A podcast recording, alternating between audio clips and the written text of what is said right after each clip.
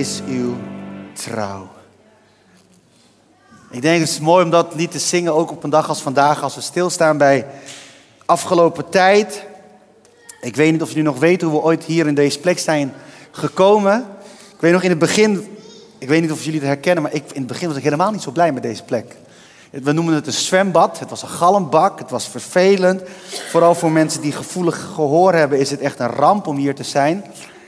En toch ben ik heel dankbaar dat we hier mochten zijn. Want in 2020, 2021 ging het theater waar we toen zaten ging failliet. Wij waren eigenlijk de organisatie die het theater nog soort van levend hield. Wij betaalden de kosten van het theatertje, de oude baptistengemeente. Maar na een jaar dacht ik, ja, het is ook niet heel verantwoord. Hadden we was met elkaar besproken, ook binnen het kerkteam, van ja, misschien is toch... De... We wisten als wij stoppen met huren, dan gaat de stekker eruit bij dat theater. En dat gebeurde ook één maand later, ging het theater failliet. Heel sneu, heel jammer. Maar ja, wij kwamen daar alleen samen, in het begin niet eens, want we deden alles online. Ik weet niet of jullie dat nog weten. En het worshipteam met koptelefoontjes inzingen. Weet je dat nog, Jolijn? Echt zo. En dan, en, en dan met Ruben op je arm. En dan, het was geweldig. Het was geweldig. Op een gegeven moment mensen keken naar de livestream. Het, het was echt... Man, man, dat was helemaal niet hoe kerk bedoeld is ooit. Om thuis in je woonkamer met alleen je gezin te kijken, geloof ik. Maar we deden het. En op een gegeven moment konden we hier terecht. En ik weet nog dat we heel blij waren, want we zouden hier alleen de kinderdiensten houden. Want onze kinderen hadden de, hadden de kids gemist en we worden het van meer kinderen. Dus we hadden de dienst opengezet voor kinderen. En de ouders mochten meekomen, maar de focus was op de kids. En toen hadden opeens 20, 20 kinderen kwamen gewoon naar de dienst. En nou ja, toen kwamen de volwassenen mee, steeds meer volwassenen. En toen bouwden we weer langzaam op vanuit eigenlijk het niks. Was het weer bouwen en, en nu zitten we hier alweer ruim een jaar, denk ik. Anderhalf jaar, denk ik, zoiets. Misschien langer, ik weet het niet eens. Het voelt als een eeuwige, nee, grapje. Maar we zitten, het kan niet heel veel langer zijn, want de kerk bestaat pas tien jaar. Maar uh, dat seizoen loopt nu ten einde en ik heb toch wel echt gezien dat Gods trouw echt is. Ik weet nog dat Joost in september tegen me zei: Gilbert, ik verwacht dat God een wonder gaat doen in oktober. Ik weet niet waarom, maar ik denk in oktober komt een wonder. En ik zei tegen Joost: Ik ben heel blij dat jij dat zegt, want ik denk het ook. Maar het is heel erg dom om dit te denken, want alle logica is erop tegen dat, uh, dat we in november, want we moesten, in november moesten we hieruit. En ik had zoiets van, heer, u gaat een wonder doen, we gaan naar de groenmarkt. Maar ja, met het tempo dat de onderhandelingen gingen, gingen we niet naar de groenmarkt.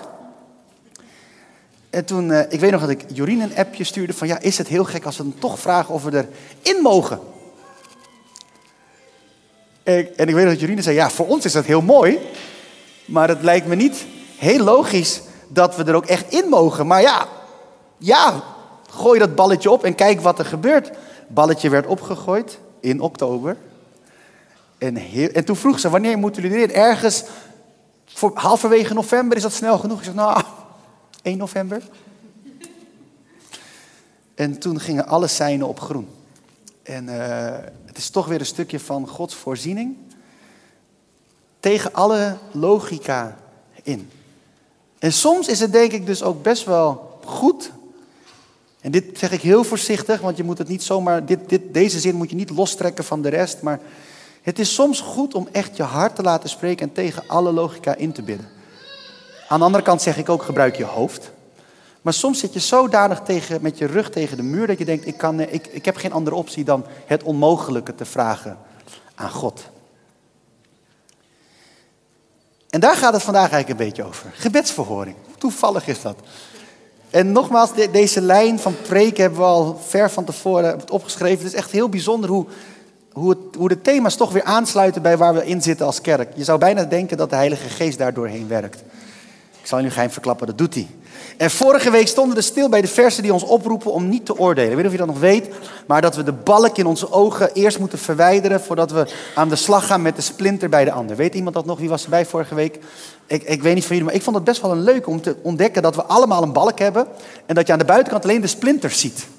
Weet je, dat, kennelijk vinden we het heel belangrijk om, om onze balk te verstoppen, zodat je aan de buitenkant alleen die splinters ziet. En op de een of andere manier zijn we ook heel goed om de splinters bij de ander te zien, zonder onze eigen balken te zien. Dat is echt zo grappig. Maar goed, ik ga het niet nog een keer zeggen, dat was de preek van vorige week. En vandaag gaat onze reis door de bergreden verder. En wil ik samen met jullie dus kijken naar een paar versen die, de herziene, die in de herziene statenvertaling het kopje gebeds gebedsverhoring erboven heeft staan. Dit zijn dus teksten die daarover nadenken. En ik geloof dat we allemaal wel een leven willen vol gebedsverhoring, of niet? Ik wil dat wel. En ik ga nou niet zeggen dat als je dit doet, dat het dan altijd goed zal gaan. Dat ga ik ook niet zeggen. Want zo is het leven nou eenmaal niet. Maar ik geloof wel dat deze verse belangrijke sleutels bevatten als het gaat om gebedsverhoring. Eh, net als meer teksten uit de bergreden zijn ook deze versen erg bekend. En het gevaar met bekende versen is dat je dan denkt van, oh die ken ik. En dat je dan even je social media gaat checken, Instagram. Net, net doet alsof je de Bijbel leest. Ik ben daar heel goed in. Ik kon dat echt heel goed. Ik kan dat nog steeds trouwens. Als ik ergens ben en ik denk, oh deze ken ik. Heel slecht. Dus doe niet als ik, maar lijk meer op Jezus en minder op mij. En luister naar wat ik ga zeggen. Ik wil je echt uitdagen om, om de komende 20 minuten erbij te blijven. En wie weet raakt iets je vandaag voor het eerst of opnieuw. Maar voordat we gaan doen, wil ik eerst bidden. Vader, we komen voor uw troon. En Heer, u weet het, ik vind het altijd spannend om, om te spreken vanuit een schriftgedeelte wat zo bekend is dat de meeste mensen waarschijnlijk kunnen dromen. Maar Heer, toch wil ik het doen omdat ik geloof dat uw woord licht is. Er, er verschijnt licht wanneer uw woord open gaat. Of we de tekst nou voor het eerst lezen of voor de duizendste keer of ergens daartussenin. Iedere keer weer, dan verschijnt er licht. Licht om ons te laten zien waar we vandaan komen, waar we naartoe gaan, waar we staan. En misschien nog het allermooiste, hoe we kunnen komen op de plek die u voor ons heeft. Want uw woord is een lamp voor ons voet en een licht op ons pad. Vader, ik wil u vragen dat wanneer we stilstaan bij uw woord, dat we geraakt mogen worden in ons hart. Dat we geïnspireerd mogen raken. Heer, en dat we handvatten krijgen om mee aan de slag te gaan in de week, in de tijd die voor ons ligt. In deze tijd, Heer. Dat vraag ik u in Jezus' naam. Amen. Amen. Ik wil u meenemen naar Matthäus 7, vers 7. En dan lezen we door tot en met vers 12. Matthäus 7, vers 7. En daar staat: Vraag en er zal je gegeven worden. Zoek en je zult vinden. Klop en er zal voor je worden opengedaan. Want ieder die vraagt, ontvangt. En wie zoekt, vindt. En voor wie klopt, zal worden opengedaan. Is er iemand onder jullie die zijn kind, als het om brood vraagt, een steen zou geven? Of een slang als het om vis vraagt? Als jullie dus, slecht als jullie zijn, je kinderen al goede gaven geven, al goede gaven kunnen schenken, hoeveel te meer zal jullie Vader in de hemel dan niet het goede geven aan wie hem daarom vragen? En dan vers 12, behandel anderen dus steeds zoals je zou willen dat ze jullie behandelen. Dat is het hart van de wet en de profeten. En wanneer we dus kijken naar gebedsverhoring, dan zie ik hier eigenlijk drie dingen staan. Vragen, zoeken en kloppen. Vragen, zoeken en kloppen. Daar begint het eigenlijk mee. Want wie vraagt zal gegeven worden, wie zoekt zult vinden, klop en er zal worden opengedaan. En, en, en als ik dan nadenk over het woord vragen, dan is het misschien een enorme open deur. Maar wanneer je wilt dat God je gebed verhoort, is het handig als je weet wat je wil vragen. En ik heb vaker gehoord dat we specifiek mogen bidden, bidgericht, bid specifiek, weet wat je wil. Er is niks frustrerender, vind ik persoonlijk, in een relatie, als ik vraag aan mijn vrouw, wat wil je doen? En zij zegt, wat wil jij? Of als ze zegt, wat jij wil. En ergens is het heel goed om naar God te zeggen: Heer, uw wil geschieden, niet de mijne. Dat is een soort spanningsveld, snap je? Maar toch, zelfs Jezus bad in het hof, toen hij helemaal geen zin in had in de kruisdood, zei hij: Indien mogelijk, laat dit aan mij voorbij gaan, laat deze beker aan mij voorbij gaan, maar niet mijn wil geschieden, maar de uwe. Snap je? Het is een toevoeging op dat wat je hebt gedaan nadat je je wil bekend hebt. Weet wat je wil. En dat is een hele open deur, maar het is voor ons soms best wel lastig om te weten wat je wil. Natuurlijk, als je een grote nood hebt, dan weet je wat je wil. Als je een nood hebt, als er iets moeilijks gaat, als je door stormen gaat, als je door strijd gaat, dan weet je wat je wil. Dan wil je doorbraak, dan wil je genezing, dan wil je dat er, dat er een wonder gebeurt. Ja, maar wat nou als je leven goed gaat? Weten we dan wat we willen? En ik denk dat het heel goed is om te weten wat we willen. Ik heb wel eens iemand horen zeggen, in het bedrijfsleven maken ze plannen. Je hebt een korte termijn visie, lange termijn visie. Soms maken ze plan voor één jaar, voor vijf jaar, voor tien jaar. misschien dat de ondernemers hier zitten dat herkennen van ja, over vijf jaar wil ik daar zijn met het bedrijf, ik wil het bedrijf daar naartoe meenemen. En die persoon zei, maar in ons persoonlijk leven doen we dat bijna nooit. Maar misschien is het best wel goed om na te denken: waar wil ik staan over vijf jaar? Waar wil ik naartoe gaan? Waar wil ik naartoe zijn over tien jaar? Wat, wat is mijn toekomstvisie? Denk daarover na, want wanneer je dat doet, dan weet je dus ook wat je kan vragen, wat je wil vragen, wat je wil. Dan vraag je dat en dan zeg je: Maar Heer, niet mijn wil, maar uw wil geschieden. Ik onderwerp mijn wil aan de uwe, maar ik maak mijn wil, mijn vraag wel bij u bekend. Want ik weet dat u een vader bent die het beste met me voor heeft. En de tweede is zoek. En deze is in lijn met het vragen. Want het is ook heel belangrijk dat je weet wat je zoekt wanneer je iets zoekt. Ander voorbeeld. Ik heb wel eens iets gezocht voor mijn vrouw. Dat mijn vrouw dan zei: Gil, kan je dat zoeken? Het ziet er zo uit. En dan omschrijft zij het op een manier die voor haar helemaal duidelijk is. En ik zoek dan echt naar dat ding wat zij heeft omschreven, hoe ik het heb vertaald in mijn hoofd naar een plaatje hoe het eruit zou zien. En 9 van de 10 keer vind ik het niet. Echt waar. En ik zoek echt goed. En dan zeg ik, schat, het is er niet. En dan zegt zij, oh, je, kijkt ook helemaal niet goed. En dan gaat zij zoeken. Binnen 10 seconden. Zeg, zie je? En dan zie ik dat ding. En dan denk ik, ja, maar dat zocht ik niet. Zeg ze, ja, maar bijvoorbeeld, het is een rood iets. Zegt, het is toch rood? Het is toch vierkant? Dan zeg ik, ja, maar dit is niet hoe je het hebt omschreven. Zij zegt van wel, ik zeg van niet. De waarheid ligt ergens in het midden. Maar het ding is, als je iets zoekt, dan moet je dus weten wat je zoekt. Je moet het voor je zien. Je moet het hebben gezien. Weet wat je zoekt. Heel erg belangrijk. Heel vaak herken je pas de dingen wanneer je het hebt gevonden. Dat is weten wat je zoekt. En de derde, en die vind ik eigenlijk het leukste van, van alle drie. Dat is dat je moet kloppen. Kloppen. En het was tijdens het schrijven van het YouVersion leesplan dat ik mij voor het eerst besefte dat je meestal klopt op een deur die gesloten is. Meestal. Ik weet niet van jullie, ik, ik doe het meestal. Als een deur open is, vooral bij ons thuis, met de meiden in hun kamer, als de deur open is, dan loop ik gewoon naar binnen. Is die dicht, heb ik geleerd, want ze worden wat ouder, vooral bij de oudste, dat ik dan eerst klop. En dan zeggen ze, ja, wat moet je? Dan krijg je dat te horen. Maar je klopt op een gesloten deur. En waarom ik dit zo interessant vind, is dit. Ik dacht altijd dat als God mijn leven leidt, dat de deuren voor me open gaan. Voordat ik er ben. Ik dacht altijd dat, dat, dat, dat, dat, dat het leven met Jezus een leven is met automatische deuren. Waar je voorkomt en dan gaan ze open. En dan weet ik, de deur is open, ik mag er doorheen stappen. Dus ik dacht ook, dus als een deur geopend is door God, dat vulde ik zo in, dan is dat de deur waar ik in moet gaan. En ik weet niet of je het herkent, maar zo, zo dacht ik. Want God leidt mijn leven, Hij opent de deuren. Ik mag gaan door open deuren.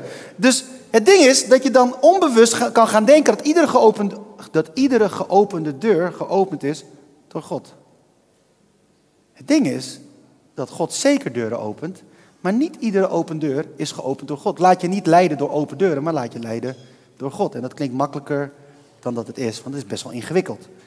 Maar wat ik hier dus interessant aan vind, is dat je er soms ook voor een gesloten deur mag staan. En mag kloppen. En ik ben dan soms geneigd van, ik klop en er gebeurt niks. Ik denk, nou, het zal wel niet van de Heer zijn. Dus ik ga door naar de volgende deur. Deur nummer 2, of 3, of 587. Maar deze tekst leert mij om te kloppen op een gesloten deur. Als ik ervan overtuigd ben dat God die deur voor mij heeft. En dat ik mag wachten voor een gesloten deur. En dat is meteen het ding wat alles samenvoegt. Vragen, zoeken en kloppen, daar heb je geduld voor nodig. En geduld is een lastige in deze instant generatie. In deze tijd waar we alles heel snel hebben.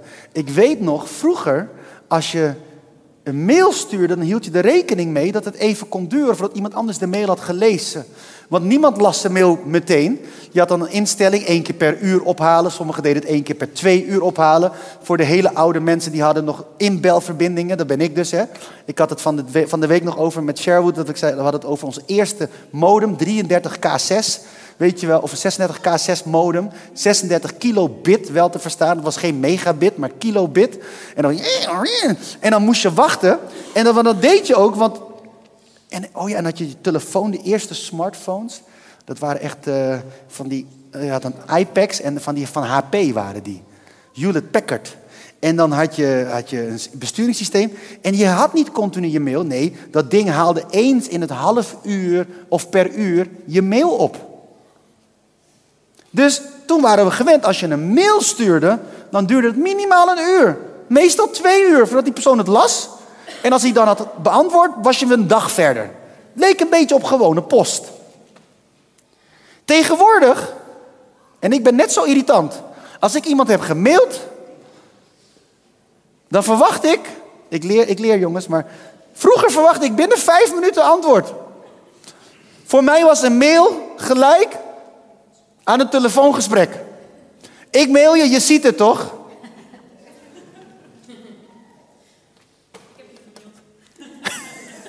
ik weet het. ik heb hem ook gezien. Maar je had er heel netjes bij gezet. Je, hebt vakantie, geen haast. Het komt wel. Ik, ik stond op het punt om te antwoorden. Ik denk, nee, Iris heeft gezegd, ik moet luisteren naar Iris. Ik moet luisteren naar Iris. Ja, maar we zijn zo gewend dat alles snel gaat. Als wij iets bestellen en je hebt het niet de volgende werkdag binnen, dan vinden we dat langzame service. Ik weet niet of je dat herkent, maar ja, vandaag besteld, morgen in huis. Er was een tijd, vandaag besteld. Binnen twee weken had je het en dat was snel. Er was een tijd dat ik cd's bestelde en dan moest ik een maand wachten. Want die cd werd dan vanuit Amerika op de post gedaan naar Nederland. En dan werd ik gebeld door de Bijbel in. En dan kon ik mijn cd'tje ophalen. Geduld. Maar geduld is heel lastig tegenwoordig, omdat alles zo snel gaat. Je ziet het zelfs met eten. Al die dingen werken, al die thuisbezorgdingen werken als een trein, want ja, het is makkelijk. Je drukt op je telefoon, poef, en binnen een uur heb je eten. Heeft iemand voor je gekookt? Is er een fietser heel snel gaan fietsen? En dan heb je het. En als het niet binnen een half uur is of een drie kwartier, dan zit je eens om te kijken van is het er al, waar is hij? Dan kan je hem ook volgen. Ik heb ook wel eens gehad dat hij verkeerd reed. Ik nee, nee, je moet die kant op. Alles moet snel. Maar een belangrijke sleutel als het gaat om gebedsverhoring is geduld. En geduld niet vanuit een aards perspectief, maar vanuit een hemels perspectief. En God heeft veel geduld. Heel veel. Maar dat maakt het ook zo lastig. En, maar, maar geduld en vertrouwen gaan dus ook hand in hand, geloof ik. Wanneer wij geduld hebben vanuit het hemelsperspectief, dan moeten we vertrouwen dat God ons heeft gehoord. En dat gebedsverhoring, zodat wij de, op, op welke manier dan ook onderweg is naar ons. Het antwoord van God is onderweg naar ons. En dat kan soms heel snel gebeuren en dat kan soms heel lang duren. En dan moet je wachten. En als je wacht, dan heb je dus vertrouwen nodig. Je moet vertrouwen dat God een goede God is. En Jezus zegt niet voor niets dat een goede aardse vader al het beste voor heeft met zijn, voor zijn kinderen. Hij zegt, uh, je zal toch, uh, als vader geef je toch geen steen als je kind om brood vraagt. Ik vond altijd een beetje een gekke vergelijking. Maar in die tijd waren broden van, de, van die ronde, platte dingen. En die konden van een afstand best wel lijken op een steen. Dus hij zegt ook van, ja, dat het erop lijkt, wil niet zeggen dat je dat gaat geven. Je geeft wat je kind vraagt. Net als uh, een vis en een slang, een aal of een langwerpige vis, weet ik veel wat. Kan je ook. Dus zelfs een aardse vader doet dat. Laat staan onze hemelse vader. Dus leer je hemelse vader kennen. Vertrouw hem en geloof dat hij voor je zorgt. Dat hij het beste met je voor heeft. En dan komt vers 12. En die vond ik een beetje apart. Uitdagend. Interessant. In het stukje van gebedsverhoring. Want al die teksten gaan over gebedsverhoring. Hè, zoek. Uh, nee, sorry. Vraag, zoek, klop. Hè, en je vader die geeft wat je vraagt. Nou, dan denk ik, nou, dat is allemaal gebedsverhoring. En dan komt vers 12. Behandel anderen dus steeds zoals je zou willen dat ze jullie behandelen. Dat is het hart van de wet en de profeten. En Jezus zegt daar ook, behandel anderen dus steeds zoals je zou willen dat ze jullie behandelen. Alsof dit dus een soort sleutel is voor gebedsverhoring. Alsof dit een hele belangrijke is binnen gebedsverhoring. En ik weet het niet hoe het voor jullie is, maar gebedsverhoring was voor mij altijd, ik bid naar de hemel en de hemel doet iets voor mij. Ben ik de enige die zo denkt? Zo zag ik gebedsverhoring. Maar Jezus voegt het samen en zegt, maar jij vraagt dingen aan je vader en God wil die dingen doen voor jou. Net zoals een aardse vader het goede heeft voor zijn kinderen. En dan zegt hij, behandel anderen dus steeds zoals je zou willen dat ze jullie behandelen. Zou het zomaar zo kunnen zijn dat Jezus van ons vraagt om voor anderen te doen wat wij zelf zouden willen ontvangen? Zou het zomaar zo kunnen zijn dat Jezus hier eigenlijk zegt, lieve mensen, natuurlijk, de hemel wil altijd inspringen. De hemel staat klaar om een, uh, hoe heet zo'n ding ook weer, intervention, wat is het Nederlandse woord voor intervention? Weet iemand dat? Een interventie. Een interventie te doen. De hemel staat klaar om erin te springen en iets te doen voor jou. De hemel staat klaar. Maar eigenlijk zegt Jezus, maar jongens, je kan wachten op de hemel. Maar wat nou als jullie, wat jullie kunnen doen, hè? laat het boven natuurlijk aan God over. Maar wat je nodig hebt in het aardse, in het natuurlijke. De gebedsverzoeken die we ook in het natuurlijke hebben. Want laten we wel wezen, soms bidden we gewoon voor een wonder. Een bovennatuurlijk wonder, kijk, daar kan, daar kan de kerk weinig in betekenen. Maar heel veel kan de kerk wel doen. Soms bidden we ook voor voorziening. En dan bidden we, Heer, wilt u voorzien, wilt u voorzien, wilt u voorzien, wilt u voorzien, wilt u voorzien, wilt u voorzien. Maar daar kan de kerk ook iets in betekenen. We zijn mensen, we hebben middelen, we hebben tijd, we hebben energie, we kunnen elkaar helpen. Hoe mooi zou het zijn als de kerk de, de aardse gebedsverhoring wordt voor de kerk. Dat we zo betrokken zijn met elkaar, dat we zo omzien naar elkaar, dat we elkaar zo aanmoedigen, dat we elkaar zo het succes toewensen. Dat we staan te dansen en te juichen als de ander floreert. Ik geloof echt dat God dat van ons vraagt. Om de ander te behandelen zoals we zelf behandeld willen worden. Dat we willen geven van onszelf wat we, wat we onszelf eigenlijk gunnen. Dat we zo vrijgevig worden met onze tijd, met onze middelen, met onze energie. En het mooie is als iedereen dat doet, dan komt niemand tekort. Niemand komt tekort als we met elkaar aan elkaar geven. En iedereen heeft iets te geven. Ik weiger te geloven dat iemand niks meer te geven heeft. Ik heb het wel eens gehoord dat mensen tegen me zeiden: Ja, maar ik kan niks meer. En toen zei ik: Ja, echt wel? Nee, ik kan helemaal niks meer. En dan ga je met zo'n persoon praten. En dan blijkt 9 van de 10 keer dat die persoon nog echt wel iets kan. Alleen dat wat die persoon kan is in zijn of haar ogen nutteloos, waardeloos. Maar dat wat waardeloos voor de een is, wat, dat wat waardeloos is voor de een, kan heel waardevol zijn voor de ander. Ieder talent telt in het lichaam van Christus. Alles. Misschien denk je, ik kan helemaal niks. Ik kan alleen maar koken. Weet je hoeveel mensen niet kunnen koken? Ik kan helemaal niks, ik kan alleen maar schoonmaken. Weet je hoeveel mensen echt niet kunnen schoonmaken? Als ik heb schoongemaakt thuis, vind ik het heel mooi. Sharon maakt altijd schoon achter mij aan. Zie je? Ze lacht me uit.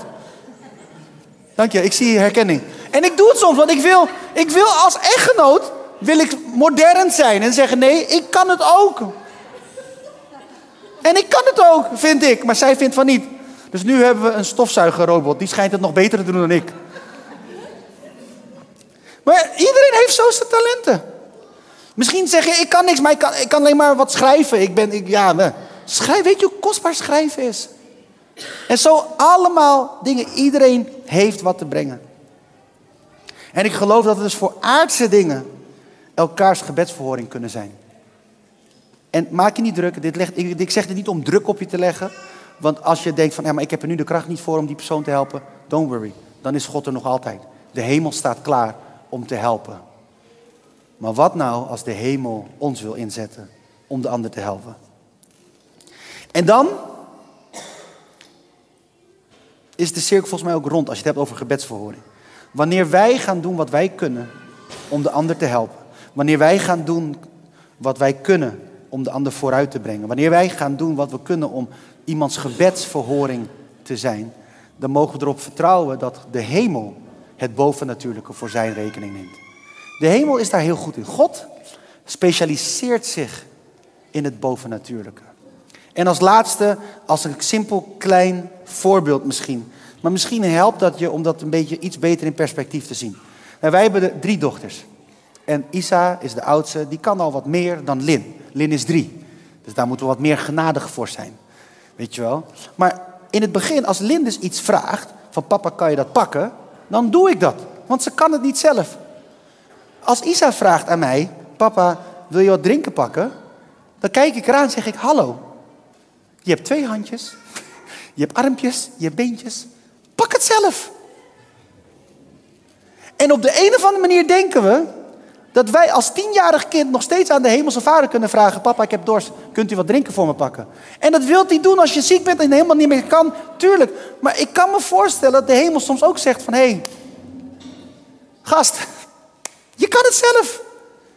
En soms is het zwijgen van de hemel dus juist een aanmoediging voor ons om te groeien. Dat ik Isa niet help, is niet dat ik een vrede vader ben, maar omdat ik van haar hou. En dat ik hoop dat ze ontdekt dat ze dat zelf kan. Dat kan ze nu inmiddels ook hoor, trouwens, het gaat goed met haar. Maar ze kan het echt zelf. Maar hoe zou ze zijn als ik dat nog steeds zou doen? Ik heb mijn moeder verboden om onze kinderen te voeren. Mijn moeder zegt, ja maar het is makkelijk. Want dan eten ze snel. Ik zeg, nee, ze moeten zelf leren eten. Dan eten ze weinig. Ik zeg, maakt me niks uit. Ze sterven toch niet in dit land. Het gaat helemaal goed. Ja, maar dan hebben ze trek s'avonds. Ik zeg, ja, en dan eten ze niks. En dan zegt mijn moeder, je bent vreed. Maar ik help ze. Want anders leren ze het nooit. Het zou toch wat zijn, gaat Isa naar de middelbare school... zit ze bij de lunch te wachten tot oma komt met brood en te voeren. Zou een ramp zijn. Wil je niet? Dus soms is de stilte van de hemel ook een aanmoediging voor ons om sterker te worden. Om te groeien. En nogmaals, dit gaat over de natuurlijke dingen. Ik heb het nu niet over de bovennatuurlijke wonderen die we soms nodig hebben. Dit, dit, gaat over het andere, laat dat duidelijk zijn. En als het over de bovennatuurlijke dingen gaat, als het over een doorbraak gaat die je nodig hebt, dan blijven we bidden, dan blijven we kloppen op die deur. We blijven wachten, we blijven kloppen, net zo lang totdat die deur open gaat en we gaan bidden. En zo, als we zo met elkaar omgaan, vrienden, denk ik echt dat, dat, dat het onmogelijke het begin is van wat we gaan zien. En we zien het nu ook al, hè, als je het gewoon binnen Reconnect draait, kijkt naar de Groenmarkerk. Daar zien we ook al wonderen gebeuren. Sharon heeft erover gezegd, ik heb het aan het begin gezegd, we zien daar wonderen gebeuren. Voor de dienst uh, vroeg Paul mij, ja, en hoe gaan jullie dat doen? De financiering, komt dat goed? Ik zeg, ja, nou ja, tot nu toe, er komen echt giften binnen. En dat, is echt, dat zijn wonderen. Dat is een wonder. Eh, het, het, is een wonder dat, dat iemand die niet naar je kerk gaat, je belt en zegt: Mag ik koffie met je drinken? En dan zegt: Ik wil 100.000 euro aan jullie geven. Dat is een wonder. Want dat gebeurt niet elke dag. In ieder geval niet in mijn leven. Hier bij mensen hier wel. Het is gewoon geen lid. Gewoon iemand die gewoon hoort van Reconnect. Het mooi vindt wat we doen als kerk. En zegt: Dit wil ik geven. Het is een wonder dat een andere kerk zegt: Hé hey jongens, ik sta achter wat jullie doen. We willen jullie een 100.000 euro geven. Dan gaat het opeens heel snel. En zo meer giften. Het is een wonder dat mensen, dat, dat is het bovennatuurlijke, maar ondertussen zijn het ook de natuurlijke mensen die in beweging komen. Zien jullie wat er gebeurt? Het is een dans tussen het bovennatuurlijke en het natuurlijke. Waar God mensen in beweging zet en waar wij moeten geloven dat God het doet. En dit ontslaat ons niet om onze verantwoordelijkheid te nemen, dus wij gaan ook aan de slag, wij gaan ook kijken wat we kunnen doen. Maar we vertrouwen erop dat God dat doet wat wij niet kunnen doen. Gebedsverhoring. En lieve vrienden, ik hoop dat je na vandaag zoiets hebt. Het is oké om voor een gesloten deur te staan en te kloppen. Als jij gelooft dat die deur voor jou is, blijf kloppen. En daar wil ik ook vandaag specifiek voor bidden. Voor die mensen die al zo lang voor die deur staan en eigenlijk helemaal moe zijn gestreden. En denken, hoe lang nog? En ik zeg dit niet licht, want ik bid ook al zo lang samen met anderen voor bepaalde mensen, mensen die ons heel dierbaar zijn, voor genezing, voor een wonder, voor een doorbraak. En we zien het maar niet gebeuren en we blijven maar kloppen op die deur. Sommigen die het al hebben geaccepteerd, van ja, misschien is dit het. En dat is helemaal oké. Geen oordeel over als je het hebt geaccepteerd, maar ik wil een van die gekkies zijn die blijft kloppen op die deur en blijft bidden, terwijl ik naast die ander sta die het heeft opgegeven en zegt van het is helemaal oké. Want die twee gaan dus ook hand in hand, hè mensen. Het gaat hand in hand. Jij kan geloven voor een wonder, maar dat wil niet zeggen dat je dan die ander moet overtuigen van dat wonder en die ander een schuldgevoel moet aanpraten. Maar je mag voor die ander bidden, ook als die niet meer gelooft. Waarom zeg ik dit? Die persoon die verlamd was en die vier vrienden die hem naar Jezus brachten, die persoon ging zelf nooit en te nimmer naar Jezus kunnen gaan, want hij was verlamd. Hij zat daar op zijn mat. Hij kon niks. Hij was daar op zijn bed. Maar het waren die vrienden die hem brachten, die hem droegen naar Jezus toe. Snap je? Dus het gaat hand in hand. Je kan blijven bidden en ondertussen iemand helemaal niet voordelen. Hoeft ook niet. En ik heb wel eens mensen gezegd, horen zeggen, ja maar je moet geloven, je moet geloven. Ja, als jij bidt, geloof jij. Bid voor die persoon. Hou van die persoon. Maar ik wil dus bidden voor die mensen die zeggen, ik klop al zo lang op die deur. En die deur gaat maar niet open. En ik wil bidden voor een wonder, voor geduld, voor vertrouwen, voor kracht in deze tijd. En als jij dat bent, mag je je hart openen en ontvang dan dit gebed. Of je nou hier bent of thuis. Ik wil met je bidden. Vader, zo kom ik voor uw troon. Samen met broers en zussen. Kostbare mensen. Mensen van wie u zoveel houdt. Heer, en ik, ik, ik kom voor uw troon en ik bid voor hen, maar ook voor mezelf. Voor de keren dat we staan voor die deur die gesloten is en we kloppen op die deur en we zien maar niks gebeuren. Sterker nog, we zien situaties verergeren, we zien hoop langzaam vervagen, we zien verdriet toenemen, we zien desillusie toenemen, we zien pijn toenemen, heren. En we bidden en we, sta, we staan voor die deur en we kloppen en we kloppen en we kloppen en we kloppen. Heer, ik wil u vragen, wilt u ons helpen om het vertrouwen weer te herwinnen in ons hart. Dat er weer vertrouwen mag groeien in ons hart. Wetende dat u een goede God bent die van ons houdt, die voor ons zorgt en die ons niet loslaat, die ons niet verlaat en dat u ons niet bent vergeten. Heer, maar we hebben u nodig voor het bovennatuurlijke in ons leven. In het leven van vrienden, van familie, van mensen die ons dierbaar zijn, mensen die heel kostbaar zijn voor ons. We hebben u nodig, Heer, voor een wonder. We hebben, want wij kunnen het niet. Wij kunnen het niet. We hebben u nodig dat u de pijn verzacht. Dat u herstel brengt, dat u genezing brengt. We hebben u nodig dat u leven brengt. Heren, we hebben u nodig dat u een doorbraak geeft. We hebben u nodig, heren, dat, dat, dat er een wonder gebeurt in het leven van, van mensen om ons heen. Heer, als ik dit zo bid, dan denk ik aan zoveel mensen die mij dierbaar zijn, die ons dierbaar zijn, die dierbaar zijn ook in onze kerkfamilie. Heer, ik bid, Heer, wilt u erbij zijn? Heer, als we vandaag hebben nagedacht en gesproken over gebedsvorming, als we hebben gehoord dat wij ook een verantwoordelijkheid hebben als kerk om te doen wat wij kunnen, om de ander te helpen, om de ander te ontlasten, om de ander verder te dragen. Als, u, als wij dat hebben gehoord, Heer, laat het zo zijn dat uw geest ons ook overtuigt om in actie te komen voor de ander. Om de lasten van de ander te dragen waar we kunnen. Heer, en ik wil u vragen dat u dan het bovennatuurlijke wil doen. Heer, we zien uit naar wonderen, nog steeds. Heer, en ik geloof met heel mijn hart dat we in een seizoen zitten van wonderen. Dat we wonderen gaan zien. En dat wonderen gaan getuigen over die God die goed is. Die God die niet loslaat. Die God die voor ons zorgt. Die God die van ons houdt. Die God die geneest. Die God die leven geeft. Die God die zoveel meer is dan wij kunnen bidden of beseffen. Heer, en als dat getuigenis klinkt vanuit de kerk. Heer, laat het zo zijn dat mensen massaal hun toevlucht zoeken naar de kerk. Welke kerk dat ook is binnen Haarlem. Heer, en als Reconnect een van die kerken mag zijn. Heer, dan danken wij u. Dan bidden wij dat u ons helpt om die mensen op te vangen die ere brengt aan u. Dat we van de mensen zullen houden zoals u van de mensen houdt. Dat we voor ze zullen zorgen zoals u voor ze zorgt. Zoals u voor ons zorgt. Heer Jezus, dank u wel. Voor uw liefde en uw genade. Dank u wel voor het woord van vandaag. En dat u spreekt tot onze harten. Dank u wel daarvoor. In Jezus' naam. Amen. Ik hoop dat je iets hebt gehad aan de podcast. En als dat zo is, dan kan je ons helpen door je te abonneren, het te liken of een review achter te laten als je via iTunes luistert. Want zo kunnen nog meer mensen onze podcast vinden. En als je wilt, dan kan je ons ook ondersteunen door te gaan naar reconnect.cc slash geven. En dan kan je jouw gift geven, zodat we nog meer mensen kunnen bereiken. Wat je ook doet, hartelijk dank en nogmaals dank dat je wilde luisteren naar de Reconnect Community Church podcast.